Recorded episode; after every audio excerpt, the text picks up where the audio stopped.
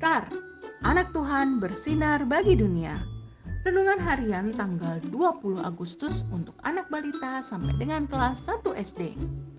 Tuhan menolong dari Keluaran 14 ayat 31. Ketika dilihat orang Israel betapa besarnya perbuatan yang dilakukan Tuhan terhadap orang Mesir, maka takutlah bangsa itu kepada Tuhan dan mereka percaya kepada Tuhan dan kepada Musa hambanya itu.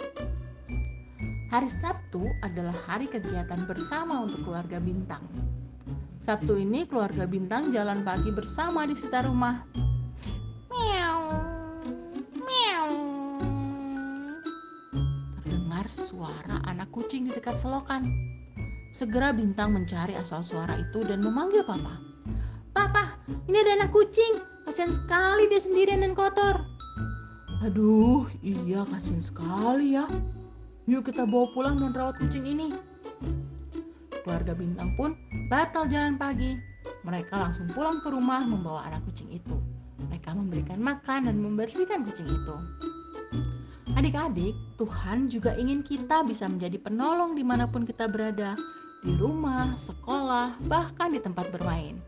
Mari kita belajar melalui keluarga bintang. Mereka mau menjadi penolong untuk kucing yang sendirian itu kita juga bisa belajar menjadi penolong di lingkungan tempat tinggal kita ya. Yuk kita berdoa. Tuhan Yesus, aku mau belajar menjadi penolong untuk siapa saja. Mampukan aku ya Tuhan. Terima kasih Tuhan. Amin.